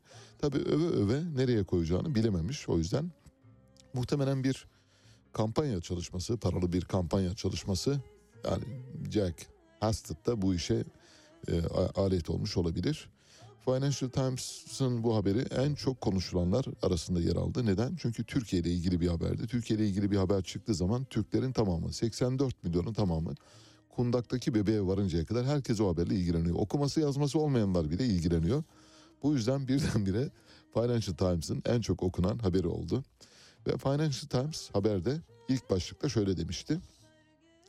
Türk şarkıcı Gaye Su Akyol Erdoğan'ın en büyük kabusu. Tartışma çok büyüyünce koskoca asırlık Financial Times haberinin başlığını değiştirmek zorunda kaldı. Türk şarkıcı Gaye Su Akyol slash umut ve özgürlük diye değiştirdi. Şu e, ortaya çıkan sonuç bu. Bu bir kampanya haberi belli. Yani Gaye Su Akyol'un etrafındaki trollerin geliştirdiği albümün daha çok satabilmesi için buldukları bir yöntem. Gazeteci de buna alet olmuş. Gazeteci ama işin suyunu kaçırmış bir defa. Yani oradaki o tarifi görürseniz böyle mitolojik kahramanlar gibi tarif etmiş. İşte büst yerinden ve belinin açıklığına, çizmelerinin e, uzunluğuna kadar her şeyi yazmış. Eskiden o çizmeleri genellikle kim giyerdi? Seyyal Taner giyerdi. Ona yakışıyordu. Bilmiyorum yani Gaye Su Akyol'a yakışıyor mu yakışmıyor mu bilmiyorum. İzlemedim çünkü. Şöyle tweetler var bu konuyla ilgili. Troller devreye girdi. Güzel bir güne Kadıköy moda fıkrasıyla başlayalım. Financial Times yazarı Nick Hastert demiş ki Gaye Su Akyol'u en son 2019'da İstanbul'da gördüğümde Cumhurbaşkanı Erdoğan'ın en kötü kabusunu andırıyordu demiş. Bunlar troller. Bir başkası bu bir PR'dır diyor. Kerameti kendinden menkul bir haber yaratma sanatı. X Festivali'nin organizatörü bu habere denk gelecek, okuyacak. Ondan sonra Gaye Su Akyol'u mitinglere ve belediyelerin programlarına ya da e, siyasi e, mitinglere çağıracaklar muhtemelen. Financial Times'a önemli müzik yazıları yazan, Türkiye hakkında hiç bilgisi olmayan bir yazar bu arada, Nick Hastert.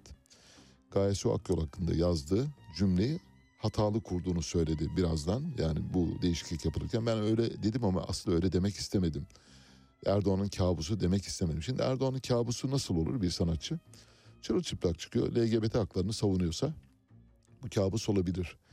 İşte Melek Mosso gibi bir karakterse olabilir ama öyle bir şey yok. Biz bugüne kadar Gaye Su Akyol'un bu yönde bir çıkışını görmedik ya da muhalif bir cereyanın içinde olduğuna tanık değiliz. Bir izleyici diyor ki Gaye Su Akyol Hanım size aşığım ama yeni albüm PR'ı için bu çok fazla değil mi diyor. Bu bir. Bir başkası şöyle diyor. Gaye Su Akyol'u aykırı duruşunu ve müziğini çok seviyorum. Eğlenerek dinliyorum ama yabancı medyanın Türkiye içi olaylar, kişiler hakkındaki kulaktan dolma, araştırmadan yapılan haberleri ve sanatçının reklam için buna alet olması rahatsız edici diyor. Bir başkası şöyle diyor. Gaye Su Akyol'u severim, müziği hoş. Siyasi bir kimlik benimsemesi bundan kaçınmaması da iyi fakat neredeyse eminim ki Tayyip Erdoğan Gaye Su Akyol'u kabuslarında görmek şöyle dursun ne yüzünü bilir ne de müziğini tanır. Herhangi bir günde adının aklından geçtiğini dahi sanmam diyor. Bir başkası açlık grevinde ölen rejimin zindanlarında ve sürgünde bedel ödeyen müzisyenler değil de Gaye Su Akyol Erdoğan'ın büyük kabusu öyle mi diye soruyor. İnanmıyor, inanmadığını belirtiyor. O tarafı da var. Doruk ekranlara getirmiş olmalı diye düşünüyorum. Gaye Su Akyol burada gördüğünüz hanımefendi ve koskoca dünyanın en büyük, en güçlü, en güvenilir ekonomi medyası Financial Times bir gün içinde başlığını değiştirerek bir e, hatadan dönme yolunda bir adım attı.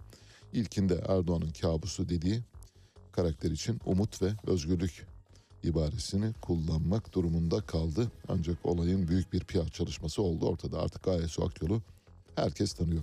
85 milyonun tanıdığı bir karaktere dönüştü. Sadece 85 milyon diye sınırlamamak lazım. Bildiğiniz gibi Türkçe Adriyatik'ten Çin Seddi'ne kadar uzanan bir bölgeyi kapsamaktadır. Bu bölgede Türkçeyi bilen, az bilen, konuşan, Türkçe'ye heves eden herkesin tanıdığı bir sanatçı durumuna geldi. Bir hastalık var. Buradan tabii yola çıkarken Ayşem Özkiraz ve Gaye Su Akyol'dan yola çıkarak bu hastalık bir psikolojik defektten bahsetmek lazım. Onlarla ilgili değil ama onların da bazı psikolojik defektleri olmalı ki bu yola başvuruyorlar. Mizofoni diye bir rahatsızlık var. Mizofoni. Mizofoni nedir?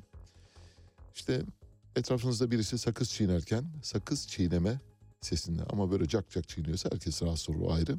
Normal işte hani ağzını kapatarak böyle yavaş yavaş ve şey olmadan çiğniyorsa bundan bile rahatsız olma durumu. Tırnak kesenlerin tırnak sesinden rahatsız olma durumu, ağız şapırdatmasından rahatsız olma durumu. Elbet burada hep aşırılıktan bahsediyoruz. Yoksa bunların her biri normal insan eylemleridir. Horlamadan rahatsız olanlar var. Hatta etrafında yüksek sesle konuşan insanlardan dahi rahatsız olanlar var. Mizofoni bir e, psikolojik e, hastalık olarak biliniyor. Sesten nefret etme anlamına geliyor.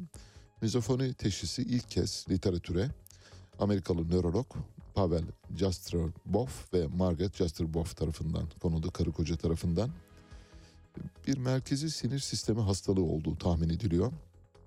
tırnak kesme, diş fırçalama, yemek yeme, nefes alma, koklama, konuşma, hapşırma, esneme, yürüme, sakız çiğneme, gülme, horlama, ıslık, televizyon sesi, öksürük gibi sıradan sesler mizofoni hastaları için aşırı duyarlılık yaratıyor.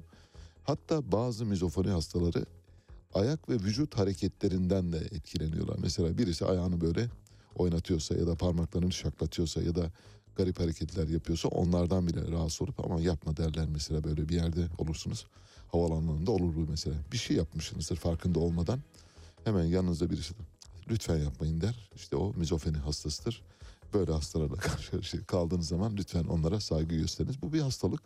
O yüzden yani anlamak lazım. Ee, onları da e, elbette rahatsız etmeyecek bir ya da uzaklaşmanız gerekiyor en azından oradan.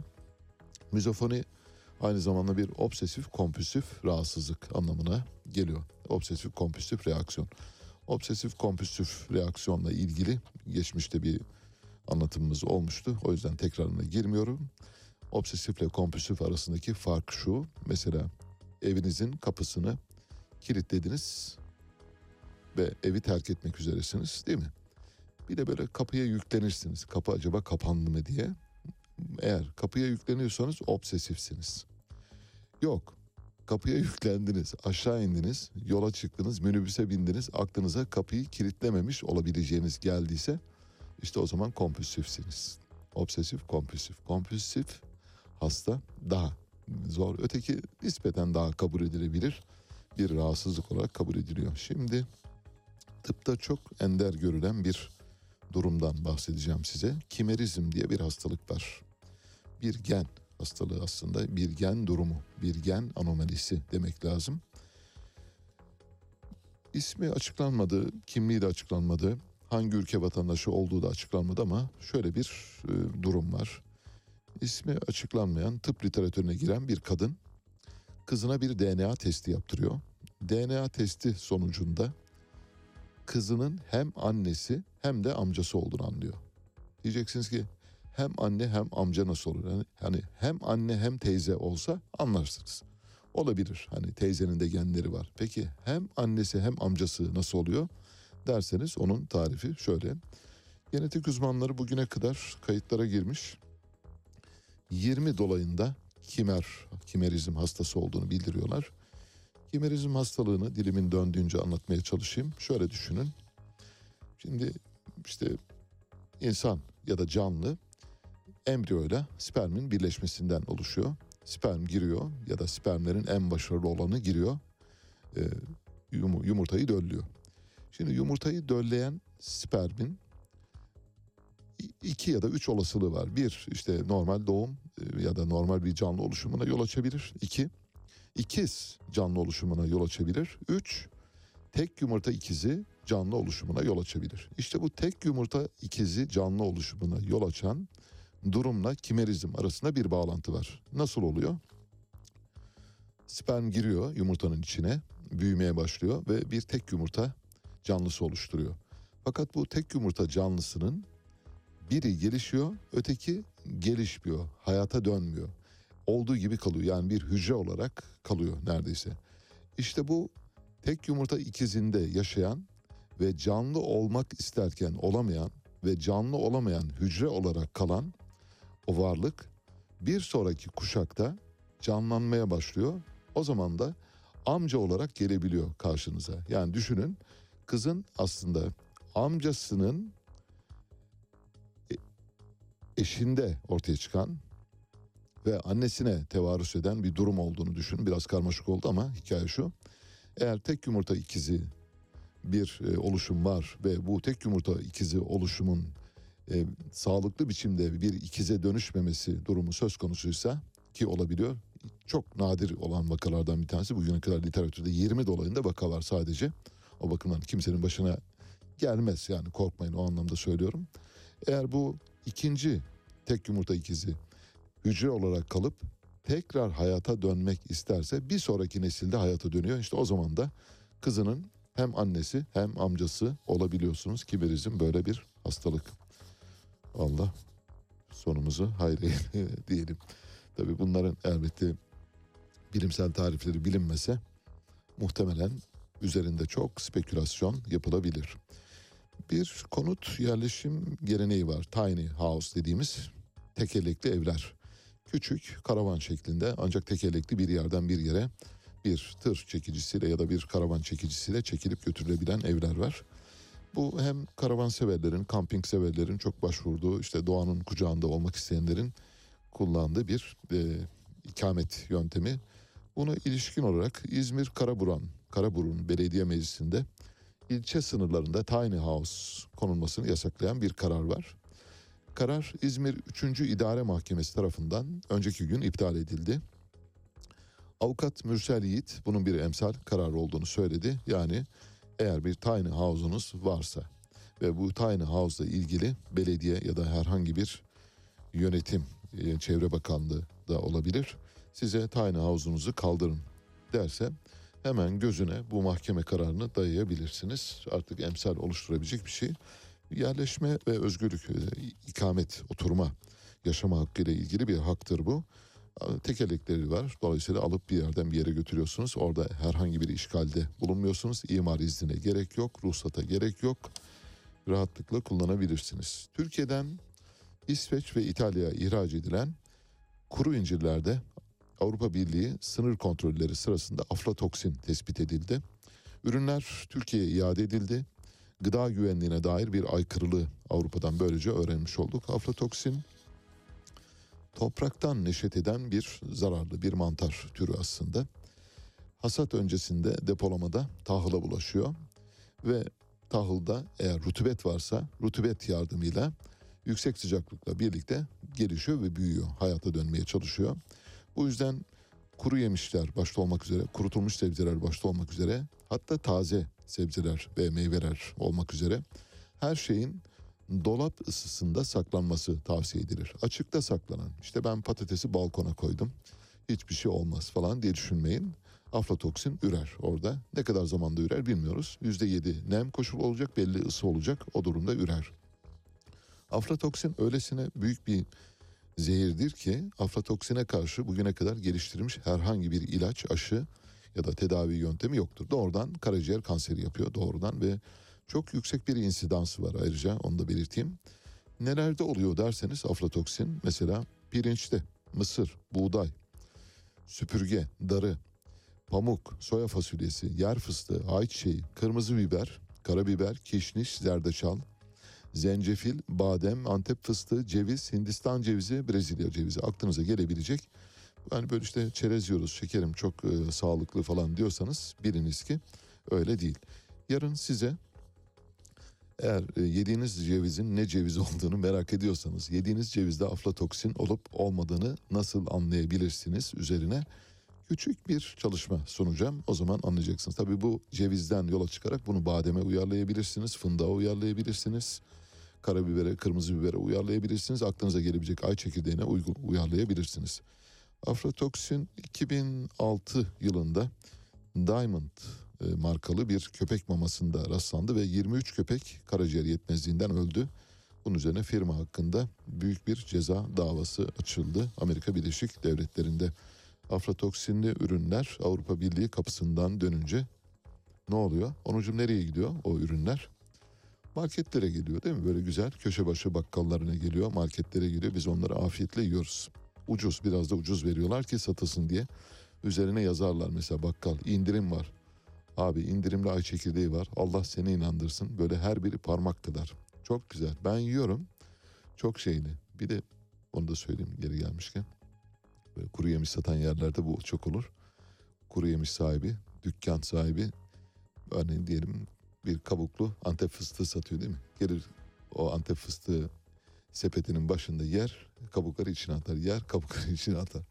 Eğer aldığınız antep fıstığında ya da ay çekirdeğinde ya da e, diğer kabuklu yemişlerde çok fazla kabuk görürseniz biliniz ki o dükkan sahibi çöpleniyor.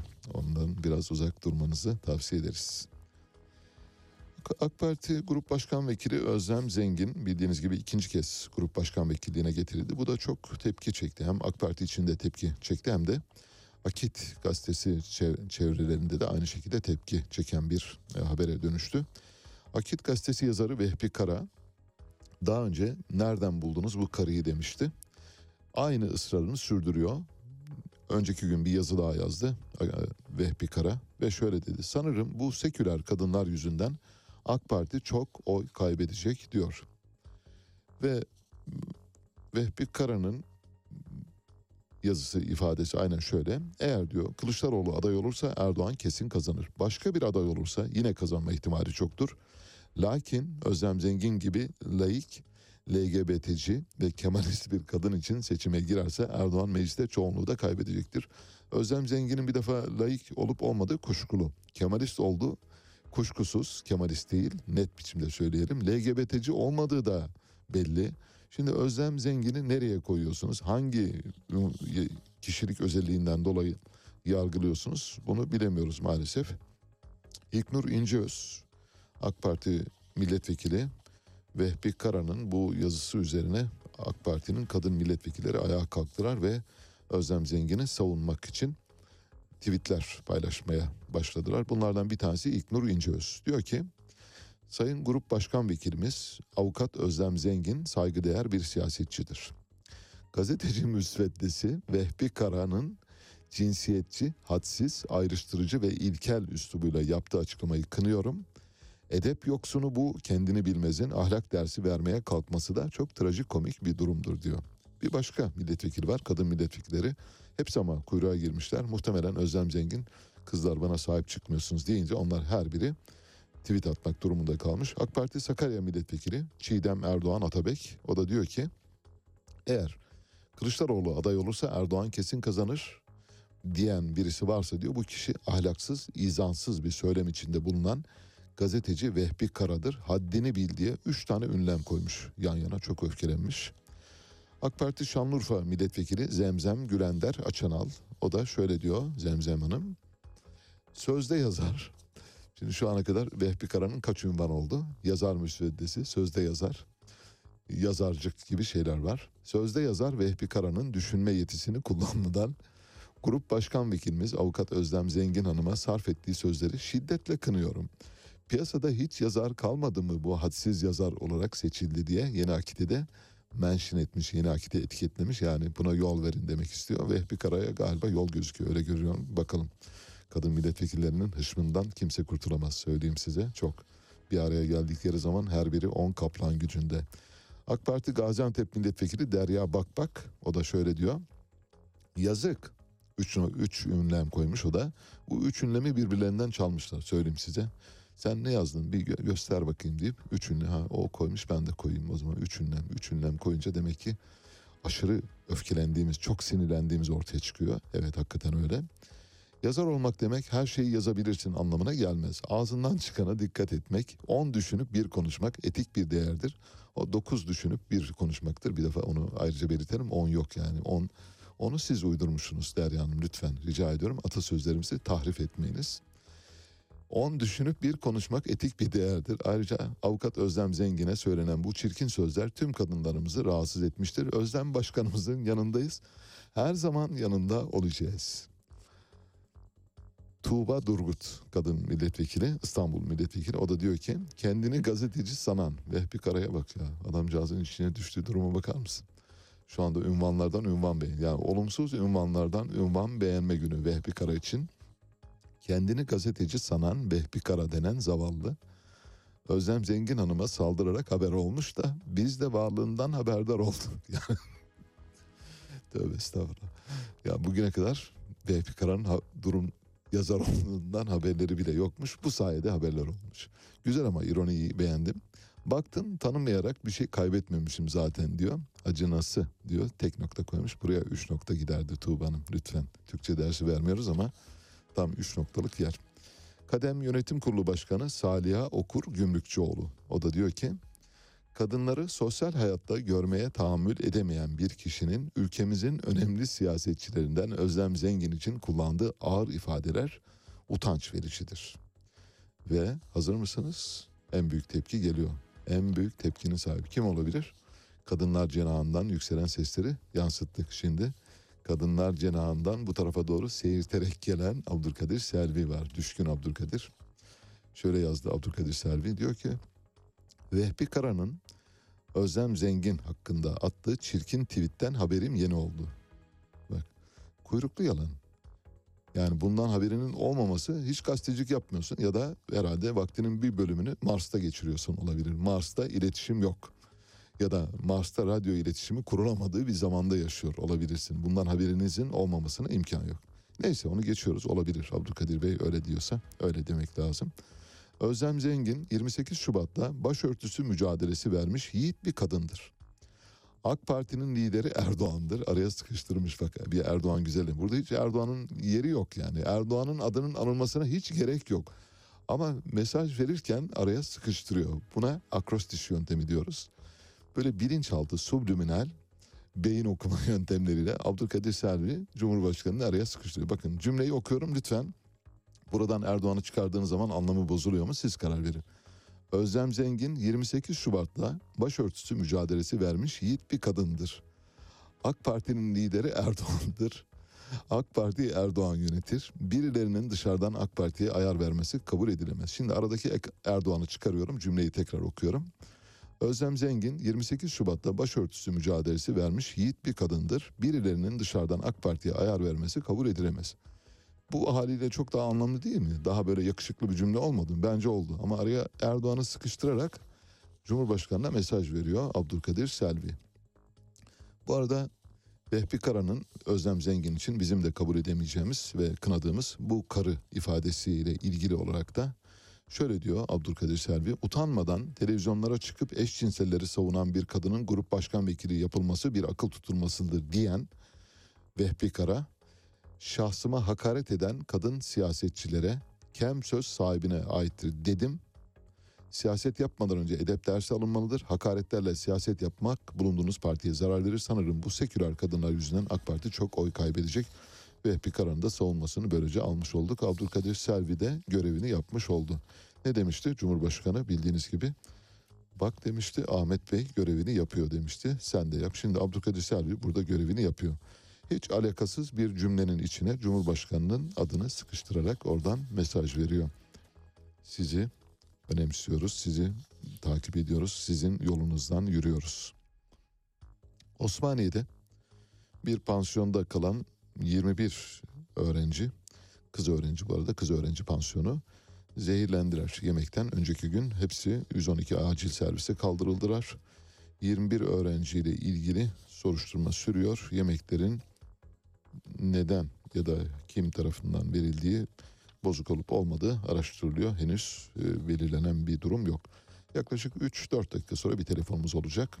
Telefonumuzu ne için yapacağımızı söyleyelim tekrar. Avukat Yağız Timuçin ile konuşacağız. Bağımsız Maden İş Sendikası avukatı. Neyi konuşacağız?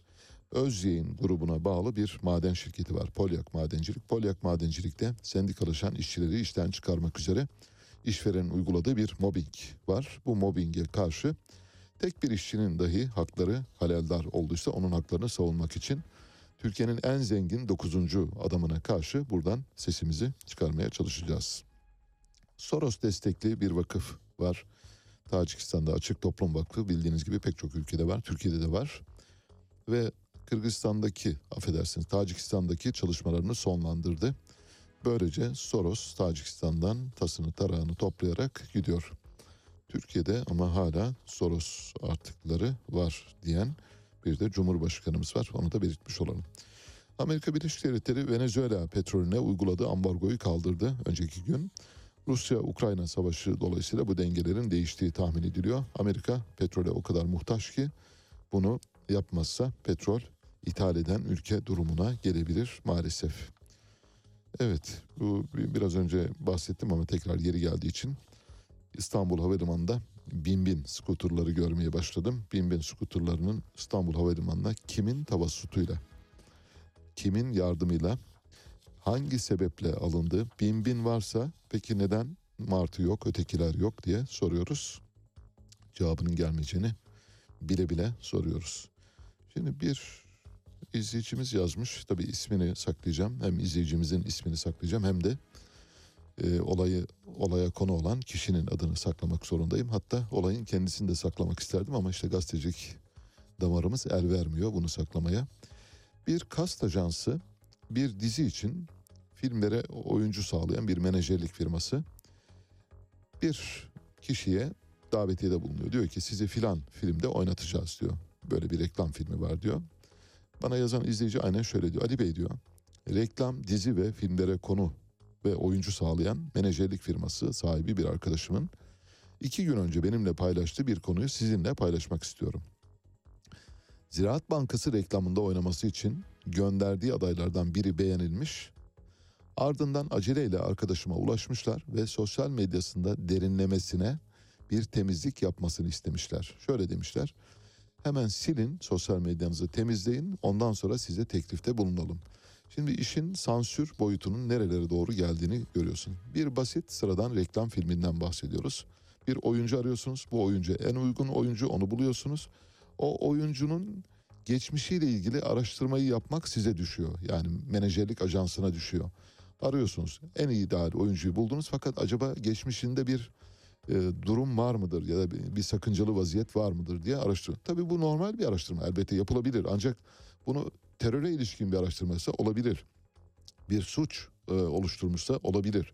Bir suça karışma durumu varsa olabilir ama herhangi bir şey yok. Normal siyasi bir iki paylaşımı var. Hemen siliniz size yeniden ulaşacağız diyorlar. Temizlik yapıyor. Temizlik yaptıktan sonra tekrar ulaştılar mı ulaşmadılar mı bilmiyorum ama işin suyunun çıktığını böylece görüyoruz maalesef. Ziraat Bankası reklamında oynamak için bir oyuncunun cemazül evveline kadar gidiyorlar. Eğer evvelinizde bir şeyler varsa olamıyorsunuz. Bu tabii işini sağlama almak isteyen şirketlerin işi. Eğer şirket bu işi sağlama almamış olsaydı muhtemelen başına çok şey gelebilirdi. Vay siz bu oyuncuyu nereden buldunuz diye onlara yüklenebilirlerdi. Peki geldik telefon bağlantısı saatimize. Neydi konumuz? Özyeğin grubuna bağlı Polyak madencilikte işten çıkarma eylemi var. Daha doğrusu girişimleri var. İşten çıkarmaya karşı sendikalar bir direniş halinde. İş, işçiler bugünden başlamak üzere pazartesiye kadar Özyeğin'e bağlı Polyak madenciliğinin önünde sabah vardiyasında girişlerde çıkışlarda eylem yapacaklar. 5 Aralık'tan sonra da geceli gündüzü bir direniş olacak. Bu, bu defaki direniş Özyeğin Holding'in önünde. FIBA Enerji'nin önünde, Özyeğin Üniversitesi'nin önünde, Özyeğinlerin vakıf binalarının önünde ve Özyeğin ailesinin ikametinin önünde olacak. Bu, bu eylem biçimini onaylıyoruz, tasvip ediyoruz. Bu eylem biçimi genellikle sonuç alıcı oluyor. Bildiğiniz gibi bir süre önce gerçekleştirdiğimiz bir eylem vardı. Kayı İnşaat, Libya'da çalıştırdığı işçilerinin maaşlarını ödememişlerdi. Kayı İnşaat işçileri, Kayı İnşaat'ın sahibinin evinin önünde günlerce eylem yaptılar ve haklarını aldılar. Dolayısıyla bu eylem çok etkili. Bir iş yavaşlatma eylemi son derece önemli. Bir de evinin önünde nümayiş eylemi son derece etkili. Çünkü buna tahammül edemiyorlar. El aleme rezil olma pahasına ısrarlarını sürdüremiyorlar maalesef. Bunları konuşacağız. Telefon hattımızda Bağımsız Maden İş Sendikası avukatı Yağız Timoçin var. Yağız Bey hoş geldiniz. Hoş bulduk, merhabalar. Şimdi bize e, yaklaşık e, 8 dakika vaktimiz var. E, meseleyi 8 diye hatta 6 dakika ve biraz ben uzattım kusuruma bakmayın ne olur. E, meseleyi anlatmanızı, özetlemenizi ve neler yapabileceğinizi eylem takvimiyle ilgili durumu bize aktarırsanız sevinirim. Ee, şimdi hani biz Bağımsız Maden İşçileri Sendikası 2018'de kurulmuş bağımsız bir sendika. Evet. Kurulduğu tarihten itibaren hani öncelikle Soma ve Kırık Havzası olmak üzere birçok yerde üyelik çalışmasına, sendikal faaliyetine devam ettirmekte. Evet. Ee, kurulduğu tarihten beri de Polyak Madencilik'te e, üyelikleri başlatmış, e, sendikal faaliyetini devam ettirmektedir.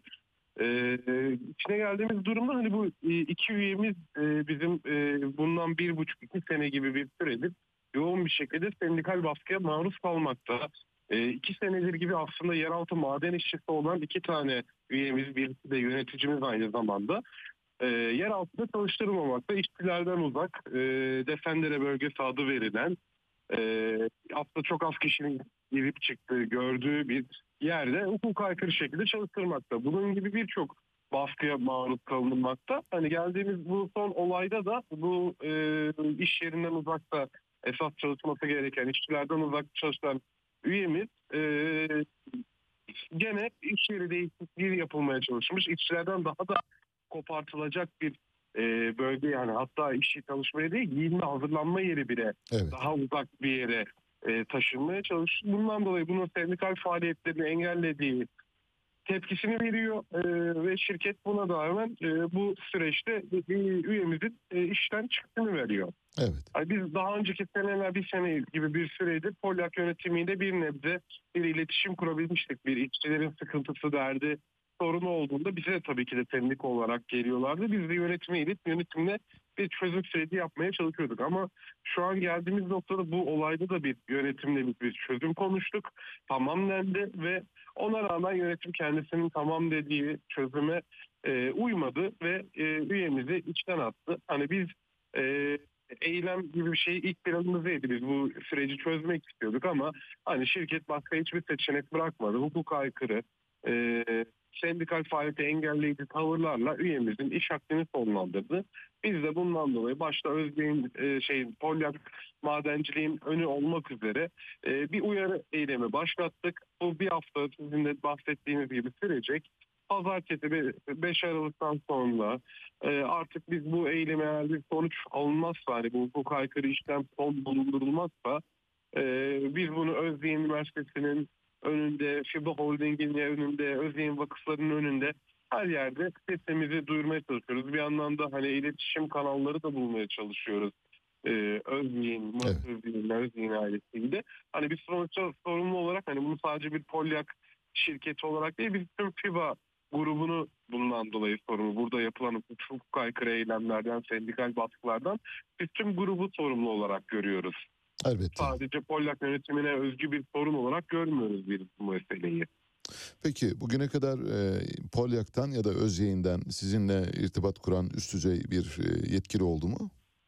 Doğrudan biz de Polyak'la görüşüyorduk. Polyak e, zaten görüşmelerimiz vardı. Hani biz bir senedir görüşüyorduk ama hani süreç içerisinde kendi kişisel duygu buradaki e, yöneticilerin belki kendi fevri duygusal kararlarıyla iletişim kanalı kesildi.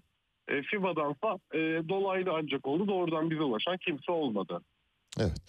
Peki kolaylıklar diliyoruz. E, Eyleminizde de e, başarılar e, diliyoruz size ayrıca. Çok teşekkürler. iyi çalışmalar. Avukat Yağız Timoçin'le konuştuk. Bağımsız Maden İş Sendikası avukatı. Kendisi Özyeğin grubuna bağlı şirketlerden biri olan Polyak Madencilik'te işten çıkarma ve işten çıkarmalar sürecinde aynı zamanda uygulanan bir e, mobbingden bahsediyor. Bu mobbing e, olaylarına karşı seslerini yükseltmek amacıyla başta Özyeğin Şirketler Grubu, Özyeğin Holding, e, FIBA Holding, Özyeğin Vakfı, Özyeğin Üniversitesi ve Özyeğin ailesinin ikametgahı önünde e, gösteriler düzenlemeye başlayacaklar. İşveren ta ki bu konuda kendileriyle masaya oturuncaya kadar bitirdik. Yayınımızın sonuna doğru geldik. Bu programı kumanda masasında Onurer, editör masasında Doru Kurgancı ile birlikte gerçekleştiriyoruz. Birazdan Mehtap Yeni Doğan saat başı haberlerle karşınızda olacak. Size bugün flamenko'dan, flamenko ustası Pablo Egea'dan parçalar seçtik. Sizi Pablo Egea'nın ritmik dansına ve sesine terk ediyoruz. Hepinize çok güzel bir gün diliyoruz.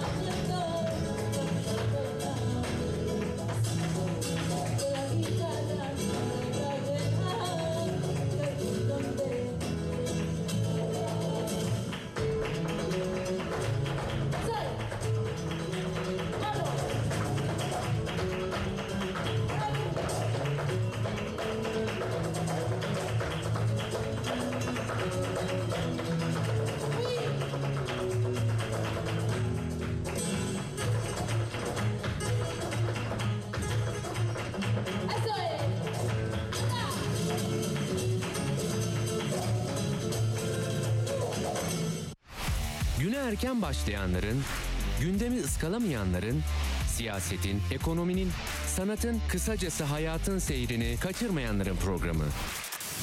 Ali Çağatay'la Seyir Hali hafta içi her sabah 7'den 9'a Radyo Sputnik'te. Radyo Sputnik